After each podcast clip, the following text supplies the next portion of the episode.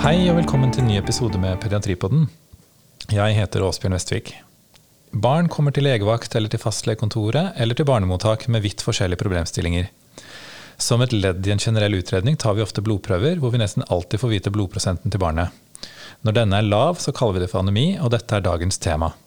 Skal et barn med anemi behandles? Hva om blodprosenten er lav, men barnet har fin farge og virker friskt? For å hjelpe oss til å svare på dette temaet, har vi fått besøk av overlege og seksjonsleder ved barneonkologi og hematologi Rikshospitalet, Anne Grete Bekkensten. Velkommen. Takk. Har du lyst til å fortelle lytterne litt om din pediatriske bakgrunn? Anne Grete? Ja. Jeg startet på Ullevål sykehus på barneavdelingen rett etter turnus i 85. Og har egentlig vært tilknyttet OUS hele tiden etter det. Dels har jeg jobbet med eh, blodsykdommer og onkologi, og dels har jeg jobbet også litt i nyfødtmedisinen. Jeg tok en doktorgrad i, fra rundt på 90-tallet, og eh, har vært på Rikshospitalet siden sammenslåingen i 2011. Kjempebra. Kan vi starte med å snakke om definisjonen på anemi? Defineres dette annerledes hos barn enn hos voksne? Altså det er den samme definisjonen, men det som er forskjellig fra barn og voksne, er at eh, normalverdiene hos barn er annerledes eh, eh, hos barn enn hos voksne. Eh, det er en reduksjon av hemoglobin under to standarddeviasjoner under det, altså normalverdiene. Men eh, f.eks. i nyfødtperioden, rett etter fødsel, så er jo hemoglobin veldig høy hos nyfødte barn. Som et tegn på den intrauterine hypoksemien de utsettes for. Og så faller hemoglobinet eh, og når en veldig lav verdi sånn rundt eh, to-tre-fire måneders alder. Og da blir jo selvsagt definisjonen på anemi tilsvarende lav. Slik at uh, definisjonen er uh, helt avhengig av uh, det som er normalverdien. Og det gjelder både alder og også kjønn. For gutter får jo etter hvert høyere hemoglobin som normalverdi etter hvert i pubertet. Så man må alltid ta både alder og kjønn og også utvikling med i betraktning når man skal vurdere om en pasient har anemi eller ikke. Mm. Hva legger du i dette med utvikling? Altså det er jo noen ganger at uh, en alder skulle tilsi kanskje at man har kommet til pubertet, men så har pasienten faktisk ikke kommet til pubertet likevel. Uh, og uh, man kan da tenke at barnet i utgangspunktet er anemisk, uh, men så er det faktisk en normalverdi for det barnet, fordi at kanskje testosteroneffekten ikke har slått inn på en gutt i, som ikke har, helt har kommet til pubertet ennå, f.eks. Mm. Men da for å vite hva som er normalverdiene, så må man jo ha tabeller å slå opp i. Er det noe som er tilgjengelig for leger ute? Ja, da kan man finne på pediatriveilederen under Helsebiblioteket. Mm. Og hvis vi går over til anemityper, da, hvilke anemier er det som er vanligst hos barn? Igjen må vi se litt på de ulike aldersgrupper. Og eh, hvis vi ser på nyfødtperioden først, så har man jo den fysiologiske eh, nyfødtanemien som jeg snakket om, av det at hemoglobin faller etter fødsel. Og det er mer en fysiologisk prosess enn en patologisk anemi. Eh, premature barn vil utvikle en eh, anemi eh, som er mer uttalt enn den fysiologiske. Litt seinere, når barn blir ett-to år, så er jernmangelanemi ganske så vanlig. Og infeksjonsutløst anemi og anemi ved kroniske sykdommer er også ganske vanlig i denne fasen. Mm mer sånn spesielle Dette er jo anemier som man ser eh, eh, både hos voksne og barn. Men mer sånn spesielle barneanemier er jo det som heter TEC, eller transitorisk erytroblastopeni og childhood. Og eh, da er det en stopp i produksjonen av de røde blodlegemene som har pågått over lengre tid. Eh, den kommer gjerne sånn mellom halvannet eh, til fire års alder. Og så har det Diamond Blackfin-anemi, som også er en stopp i produksjonen av de røde blodlegemer, men det er en konstitusjonell anemi, eh, som er gjerne debuterer tidligere. Mm. Og så har man hemolytiske anemier, serocytose f.eks., som er relativt vanlig i eh, den nordeuropeiske befolkningen. og øh, som en del barn kan ha, og kan diagnostiseres både i nyfødtperioden og seinere i livet. Ja. Og dette med blodprosent det er jo da en balanse mellom produksjon på den ene siden og nedbrytning eh, av blodceller på den andre siden. Er det noen forskjeller her mellom barn og voksne? Eh, nedbrytningen er mye raskere. altså Vanligvis lever jo de røde blodlegemene 120 dager. Men hos nyfødte, og spesielt premature, så har de mye kortere levetid. og Det gjør at eh, for å opprettholde den samme hemoglobin, så må de produsere mye mer. slik at eh, det kan være en av årsakene til lavere hemoglobin i nyfødt og den tidligere, tidligere alder. Etter hvert så vil de røde blodlegemene ha den vanlige 120 dagers overlevelsessida. Men produksjonen er jo tenker man er litt nedsatt i den fasen hvor barn er altså to-tre års alder. Men så kommer testosteronpåvirkningen etter hvert hos guttene i voksen, eller etter pubertet. Men det er ikke noen sånn veldig store forskjeller eh, her, foruten forutenom egentlig nyfødtperioden. Nei. Og før vi da tar disse blodprøvene som må til for å definere en anemi, så skal vi jo ta en anamnese og gjøre en klinisk undersøkelse, som vi alltid skal gjøre. Hva er det i anamnesen som er viktig å ha spurt om når det gjelder en anemisk pasient? Selvsagt så er jo det avhengig av alder. Hvis det er et barn som kommer liksom i løpet av de første leveår f.eks., så er jo perinatalhistorien. Har barnet vært prematurt? Har det vært noe hyperbilirubinemi ved fødsel? Har det vært noen problemer ved abrupsoplacenta under fødsel f.eks.? Har det vært tidlig klippet navlesnor? Slik at er det et uh, ungt spedbarn eller et barn i første leveår, så er historien rundt fødsel viktig. Uh, kostanamnese også. Uh, det er viktig egentlig hele veien. Er, det, barnet en melkedrikker? Er barnet Spiser det, Har det helt sære matvaner? Spiser barnet, legger barnet på seg dårlig, kan være tegn på en malnutrisjon eller en feilernæring. Og bruke barnet med andre medikamenter som tegn på at barnet har en kronisk annen sykdom. Ehm, kan det være medikamenter eller barn, noe barnet spiser og får i seg som hindrer absorpsjon av jern, f.eks. Mm. Og også eh, etnisitet og arvelighet fra, eh, fra, foreldrenes side. Er det noe tegn på noe sykdom i familien? Er det andre i familien som har fjernet milten, f.eks., som tegn på at det kan være en sverocytose? Eh, er det andre i familien som er, generelt dikteriske? Og etnisitet på barnet. Er det et adoptivbarn som kommer uh, fra en annen del av verden hvor man har andre sykdommer som kan påvirke hemoglobin? Mm. Så det er ganske mye vi skal tenke på her også. Mm. Og hvordan eh, ter barnet seg da? Hvilke symptomer kan et anemisk barn ha? Altså, det som er med barn, er jo at organene generelt er friske, og de tåler gjerne en anemi ganske så godt hvis den kommer gradvis og sakte. Sånn at av og til så behøver barnet ikke ha andre symptomer enn at de er bleke. Eh, så symptomene kommer ofte snikende, og det er mange ganger at foreldrene nesten ikke merker det engang, fordi at kroppen kompenserer på så andre måter.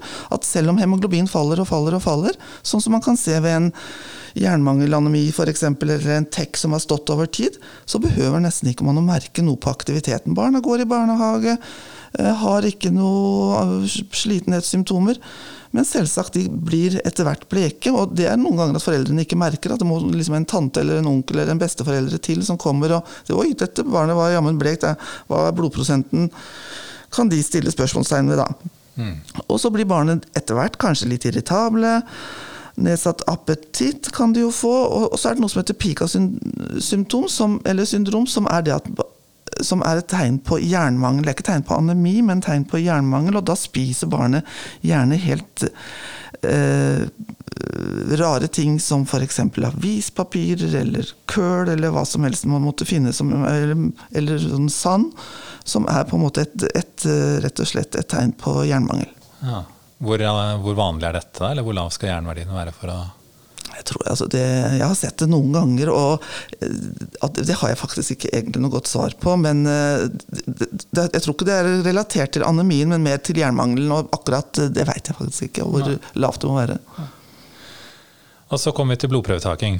Eh, hvilke prøver skal tas, og når? Hvor bredt skal vi gå ut på en måte fra starten av? Uh, jeg tenker at dersom, Dette er jo avhengig av selvsagt hvor man er, hvor pasienten kommer inn. Om det er på et sykehus, eller er et fastlegekontor, eller er en eh, spesialistpraksis. Så er det jo for å, for å få en påvist en anemi, så må man jo ta en hemoglobin. Så det er jo selvsagt kanskje en utgangspunkt, og det er vel der man ofte starter. Eh, og eh, hvis det er på et fastlegekontor og man har tilgang på et hematologiinstrument, så, jo, så sier jo MCV og antall røde blodlegemer, MCH og MCHC, mye. slik at har man mulighet for det, så er det flott. Eh, hvis barnet etter hvert kommer på sykehus, eh, så må man jo igjen, litt ut ifra anamnesen, Eh, og den kliniske undersøkelsen eh, ser på eh, Er dette tegn på en jernmangelanemi, eller tegn på en mangelanemi, eller en tegn på en hemolytisk anemi? Og så på en måte vinkle det litt. Men noen ganger så tenker man at hva, det er så traumatisk å stikke dette barnet, vi går litt bredt ut i starten. Mm. Så ser jeg at Der er det mange faktorer som hvor, hvor hvis, hvis, det viser seg at barna er veldig traumatiske i forhold til å bli stukket, så, så kanskje man tar litt hemolyseparametere, infeksjonsparametere, jernparametere på en gang. Og, og, da er det jo da hemoglobin, eh, disse eh, MCV og MCH Retiklocytter er jo et parameter som jeg er veldig glad i. Eh, som sier noe om nyproduksjon. Og Hvis man i tillegg da slenger på hemoglobin i retiklosittene, som er det samme som MCH i retiklosittene, så vet man hva som har hvor mye hemoglobin det er tilgjengelig i liksom løpet av den siste uka. Så den er mm. veldig sånn ferskvare. I motsetning til MCH, som jo er ikke så ferskvare. Mm. Hvis man får med eh, ferritin, eh, løselig transferin reseptor, og hemolyseparameterne, så har man jo dekket ved egentlig veldig mye. Mm. Og løselig transferin reseptor er også et godt parameter på jernmangel. Ferritin eh, i tillegg, men ferritin er påvirket av akutt fase, slik at ferritin kan ha noen utfordringer hvis det er febrile barn og man lurer på er det en infeksjon, hva er det som er årsaken, så er ferritin noen ganger ikke helt pålitelig, for den kan være høyere enn den egentlig altså jernmangelen skulle tilsi. da. Så da er transferin reseptor et godt parameter å bruke ved jernmangel, for da er transferin reseptor forhøyet. Eh, så nevnte du tidligere Anne Grete, at eh, skulle, alder på barna har også noe å si i forhold til hvilke anemier vi skal tenke på. Eh, er det noe, kan du si noe mer om hvilke aldre man skal tenke de forskjellige tilstandene? Eh, spedbarn, småbarn, ett- og toåringene, som jo av og til kan være litt sånn utfordringer næringsmessig, eh, de kan utvikle jernmangel. Spesielt de som har vært eh, litt, litt altså lav fødselsvekt, under 2,5 kg. Der kan de utvikle jernmangel. Og eh, barn som er melkedrikkere, slik at ett- og toåringer, der skal man tenke på eh, jernmangel. Og også tenåringsjenter med, som begynner med menstru menstruasjon, og som eh, kanskje kan ha kraftige blødninger og ikke helt klare å kompensere for det med, eh, med jernholdig mat. Slik at ett- og toåringer, tenåringsjenter, tenker på jernmangel. Mm. Eh, så er det eh, de barna som er litt eldre, som jeg snakket om den sykdommen som heter TEC. Eh, de også kan ha en veldig lav hemoglobin, men de har da ikke lav MCV. Så da er det eh, en, en, en veldig god måte å skille disse anemiene på, er ved å se på MCV. Mm. Og Behandlingen beror jo da på hvilken årsak det er til anemien, så jeg tenkte derfor vi kan snakke oss gjennom de vanligste typene vi kan møte. Skal vi starte med de, eller Hvis vi starter med de nyfødte eller premature, så sa du litt om det i sted, men hva skal vi tenke spesifikt hos disse pasientene? Ja, Det som heter prematuritets-anemi, er jo veldig vanlig å se på nyfødtavdelingene. Og det mer umodne, dess yngre disse premature barna er, dess mindre de er, dess mer uttalt anemi får de. Og det aller, aller viktigste der er den iatrogene, at man tapper for mye. Og eh, man har satt hypoteser om hva som kan være årsaken. Kan det være en EPO-mangel, kan det være jernmangel, folsyremangel? Selvsagt, disse barna bør få optimal ernæring optimal støtte i forhold til både, eh, både jernmetabolismen og folsyre, slik at de skal ha riktig med proteiner og ernæring, som sagt. Mm. Men det aller viktigste er at man er veldig eh, restriktiv med å ta unødvendige blodprøver. At man eventuelt setter tilbake kasteblod, at man eh, eh, og, og, hindrer eh, i den grad som mulig at det iatrogenet eh, Uh, og der bør de Altså EPO har vist at det har effekt, uh, men uh, kanskje ikke hos de aller sykeste med sepsis osv. Uh, sånn at de skal starte De premature skal jo starte tidlig med jern. Det er litt diskusjon hvor tidlig man skal starte, men egentlig etter noen få uker. Og den, hvis det viser seg da at de trenger uh, har anemi og trenger blodtransfusjoner, så må de få en blodtransfusjon. Mm. De andre vanligfødte barn som ikke er premature, der kan det jo være føtomaternelle transfusjoner, og det kan være blødning under fødsel. og Der må man jo selvsagt igjen se på om barnet har symptomer, om man klarer å kompensere det uten å gi blodtransfusjon, men noen ganger så må man gjøre det hvis, uh, hvis det er eh, lav blodprosent nok. Mm. Hemolytiske, altså nyfødt eh, disse hemolytiske eh, anemier som er antistoffbetinget rundt fødsel, som er resus og AB0, så eh, AB0 pleier ofte å gi en hyperbilirubinemi, men sjelden en anemi. Mens resus gir jo ofte både anemi intrauterint og også senere i livet. Og de skal jo gjøre eh, Der har man jo egne behandlingsalgoritmer, men eh, er de anemiske nok, så skal det jo da gjøres en utskiftningstransfusjon. Eh, eventuelt senere, når de resusbarna blir sånn sju-åtte uker gamle, så får de gjerne en anemi som er en anemi med lav hemoglobin og lave retiklocytter. Mm. Og der er det mange som sier at de, de, dette har de ikke sett før. Altså, etter at de er ferdig med hemolysen, så får de rett og slett en, eh, en retiklopeni. Og kan noen ganger trenge en blodtransfusjon. Eh, men da skal man bare vite at dette er ganske så vanlig med de som har resusimmunisering. Ja. Så de kommer seg ofte uten eh, er man litt uh, tålmodig, så kan de komme seg veldig greit uten en blodtransfusjon. De kommer ofte kanskje ned i en 7 i uh, 7-8 hemoglobin. Ja. Og det kan gå veldig greit uten blodtransfusjon. Ja. Og så Hvis vi går til de litt større barna, nå har vi snakket litt om jernmangelanemi igjen, men uh, vi, hvordan vurderer vi jernstatus? Ja, Selvsagt, eh, når det gjelder eh, jernstatus, så er det jo eh, ferritin det er et molekyl som produseres i lever, og som inneholder mange, mange jernatomer. 4500. Og etter hvert som man bruker opp jernet i kroppen, og det blir mindre og mindre jern, så lages det mindre ferritin. For ferritin er et lagringsmolekyl for jern. Mm. Så ferritin faller først. Og etter hvert, når eh, på en måte lag, lageret er brukt opp, så begynner serumjernet å falle. Eh, da begynner man også hvert å se en stigning av løselig transferin reseptor. Og så begynner da MCV, altså størrelsen på de røde eh, blodlegemene, å falle. At MCV blir mindre, at man får en mikrocytose. Og etter hvert da vil man få en fallende hemoglobin. Så det er liksom, man kan si liksom tre stadier. Først lageret, og så på en måte det sirkulerende jernet. Og så påvirker det da rett og slett eritropoesen. erytropoesen. Mm. Så hvis du finner en lav ferritin, eller veldig lav, og det ennå ikke er en anemi, så er det grunn til å behandle før eh, MCV kommer til å falle? Absolutt, men da er spørsmålet hva mener du med behandling? Eh, behandling er jo selvsagt å gå inn og, og, kost, og gi, altså, utrede selvsagt årsak. Hvis det er en, blødnings, en, en, kronisk blødningsanemi, så må man jo finne ut årsaken til det.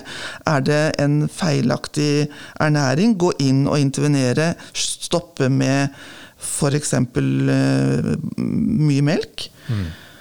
Uh, og, og, og, hvis da man ser at dette her, uh, her trenger vi tilskudd med jern, så starter man med jern. Og da er det hos de små barna så er det jo dråper eller mikstur, og hos de større barna så blir det tabletter. Mm. Hva med blodtransfusjoner hos disse jernmanglene mine? Uh, som jeg sa, så tåler jo barn en anemi veldig godt. Og det er nesten en kunstfeil å gi en blodtransfusjon med anemi, syns jeg. Ja. Med jernmangelanemi. Mm. Eh, sånn at eh, jeg syns at eh, selvsagt med mindre barnet tåler jern og har en normal mage-tarmtraktus som kan suge opp jern, så syns jeg at man skal forsøke jernmikstur eller jerntabletter. Det er en del barn som har en tarmsykdom som gjør at de ikke absorberer jern.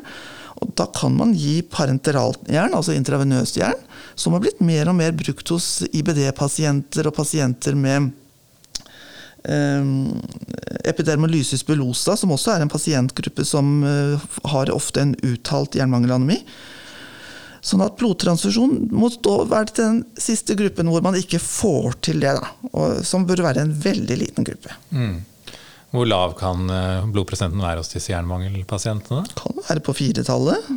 For Man kan jo skvette litt når man ser det tallet der og mm. føle at man skal gi blod, men da Selvsagt Hvis barnet kommer inn og har en infeksjon og er syk, og på en måte, at det er andre ting ved siden av som gjør at man ikke tør å, uh, tør å, å vente. Men jeg tenker at da, hvis, hvis, man ser at dette er et barn som har god allmenntilstand, så, så kan man uh, tillate seg å se an det. Mm. Et barn med en TEK kan også ha så lav hemoglobin. Uh, og jeg har sett faktisk barn med TEK med 1,9 hemoglobin. Må, der må man jo transfundere, ja. selvsagt. Men hvis man velger å gi en transfusjon, er det viktig at man tar f.eks. blodstryk eller gjør litt utredning før man gjør det? Hvis, man, hvis, det kommer inn et barn hvor man ser at eh, dette barnet trenger en blodtransfusjon, eh, har en så lav hemoglobin, men vi vet ikke årsaken, så er det innmari viktig å ta så mange utredningsprøver som mulig. Spesielt når det gjelder liksom, analyser som er avhengig av uh, de røde blodlegemene. Så da er det viktig å få gjort det for å se, for da kan man kan det bli ut, utsettelse av diagnostikken eh, etter en blodtransfusjon. Eh, hvis, hvis, selvsagt det, det, gjelder da sykdommer i de røde blodlegemene. Mm. G6PD f.eks., glukose 6-fosfat-diagnosemangel. Ja. Eh, er vanskelig da å analysere i etterkant av en blodtransfusjon. Så da er det greit å ha tatt på forhånd, eller i hvert fall ha en plan for det. Mm. Så da snakket vi om jernmangelanemiene. Hvis vi da går litt på de infeksjonsutløste anemiene. Eh, hvilke sykdommer eller hvilke infeksjoner er det som kan gi dette? Det er jo ofte barn som kommer med gjentatte infeksjoner. Eh, kanskje nettopp starta i barnehagen, og som har stadig vekk luftveisinfeksjoner og nesten ikke kommer seg av den ene infeksjonen før den neste kommer. Og det kan være altså da luftveisbarn. Um, og det kan også selvsagt være barn med, um, med, ja, med kroniske sykdommer. Mm. Og, og, det er barn, og, og det, disse hemoglobinverdiene pleier ikke å være så lave som disse lang, langtilkomne jernmangelandemiene. Så at de faller kanskje én til to gram per desiliter under uh, utgangspunktet. Så det er oftest ikke så, så uttalt anemi da, som jernmangelanemiene kan være. Nei. Og hvordan ser eh, MCV og sånn ut på disse pasientene? De kan, Oftest har de en eh, normocytær anemi, kan ha en lett mikrocytær anemi, men oftest normocytær.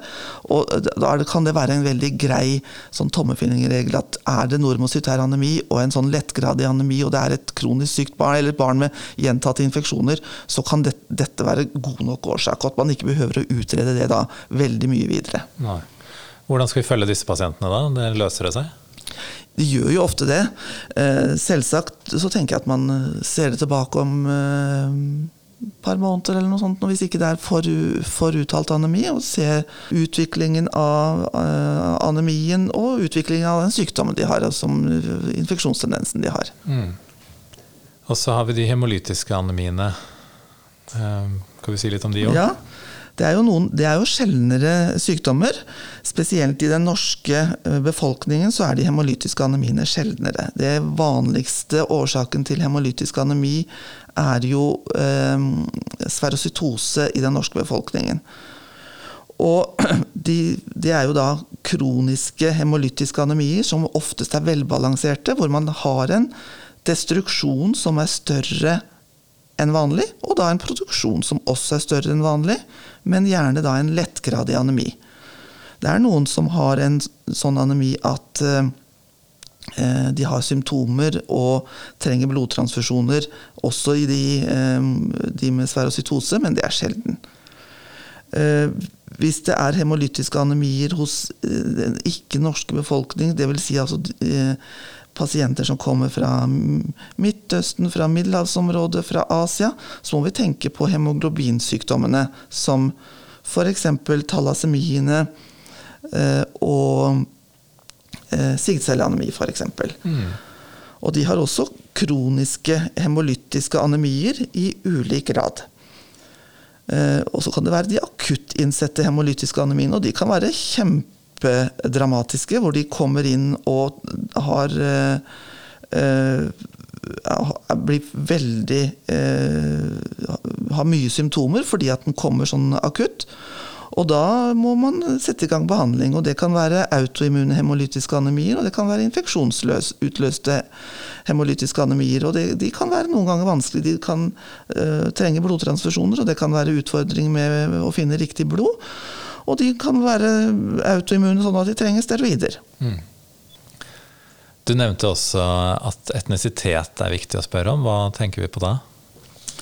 Det er en del eh, eh, pasienter med et opphav fra middelhavsområdet, fra Midtøsten, fra Asia og eh, Afrika, som kan ha noe som heter hemoglobinsykdommer. Disse kan ha lav hemoglobin. Og mange av disse kan ha bare en, en, slags bærertilstand som gjør at de har ikke så veldig lav hemoglobin, men de kan ha en mikrocytose. Og noen ganger så kan man forveksle det med eh, eh en jernmangel, fordi at MCV er lav.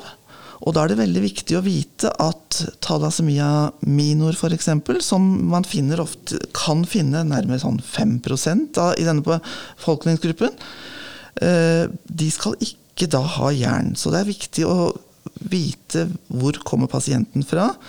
Er MCV tegn på en hemoglobinsykdom eller er det tegn på en jernmangel? Og da er det jo da jernparameterne som kan guide en videre, og så kan man ta en prøve som kan påvise denne hemoglobinsykdommen.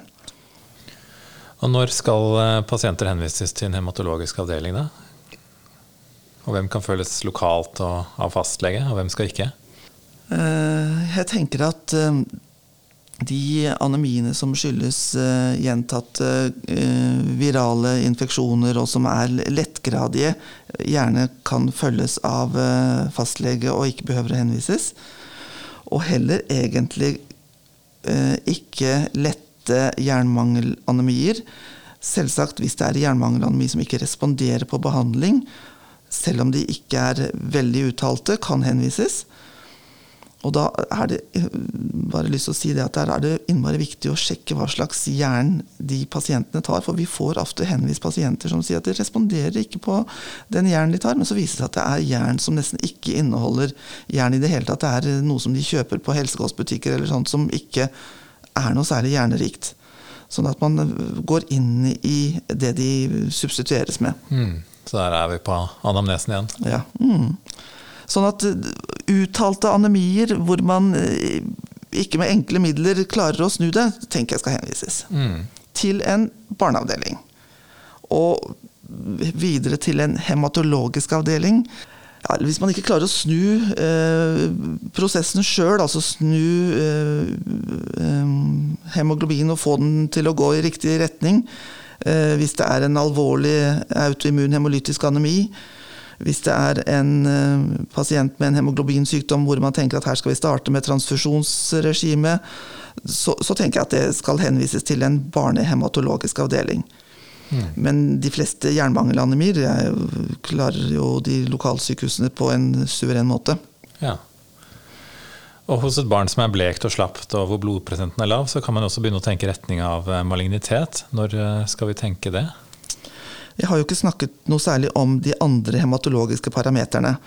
Selvsagt, hvis man da har tatt øh, blodprøver og ser at øh, de hvite er enten veldig høye eller lave, eller hvis øh, maskinen ikke klarer å diffe de hvite, eller hvis man samtidig har trombocytopeni, da må man jo virkelig begynne å være litt mistenksom for det. Men et veldig slapt barn, som jeg sa i stad, så er det sjelden at jernmangelanemi og TEK-barna er veldig slappe.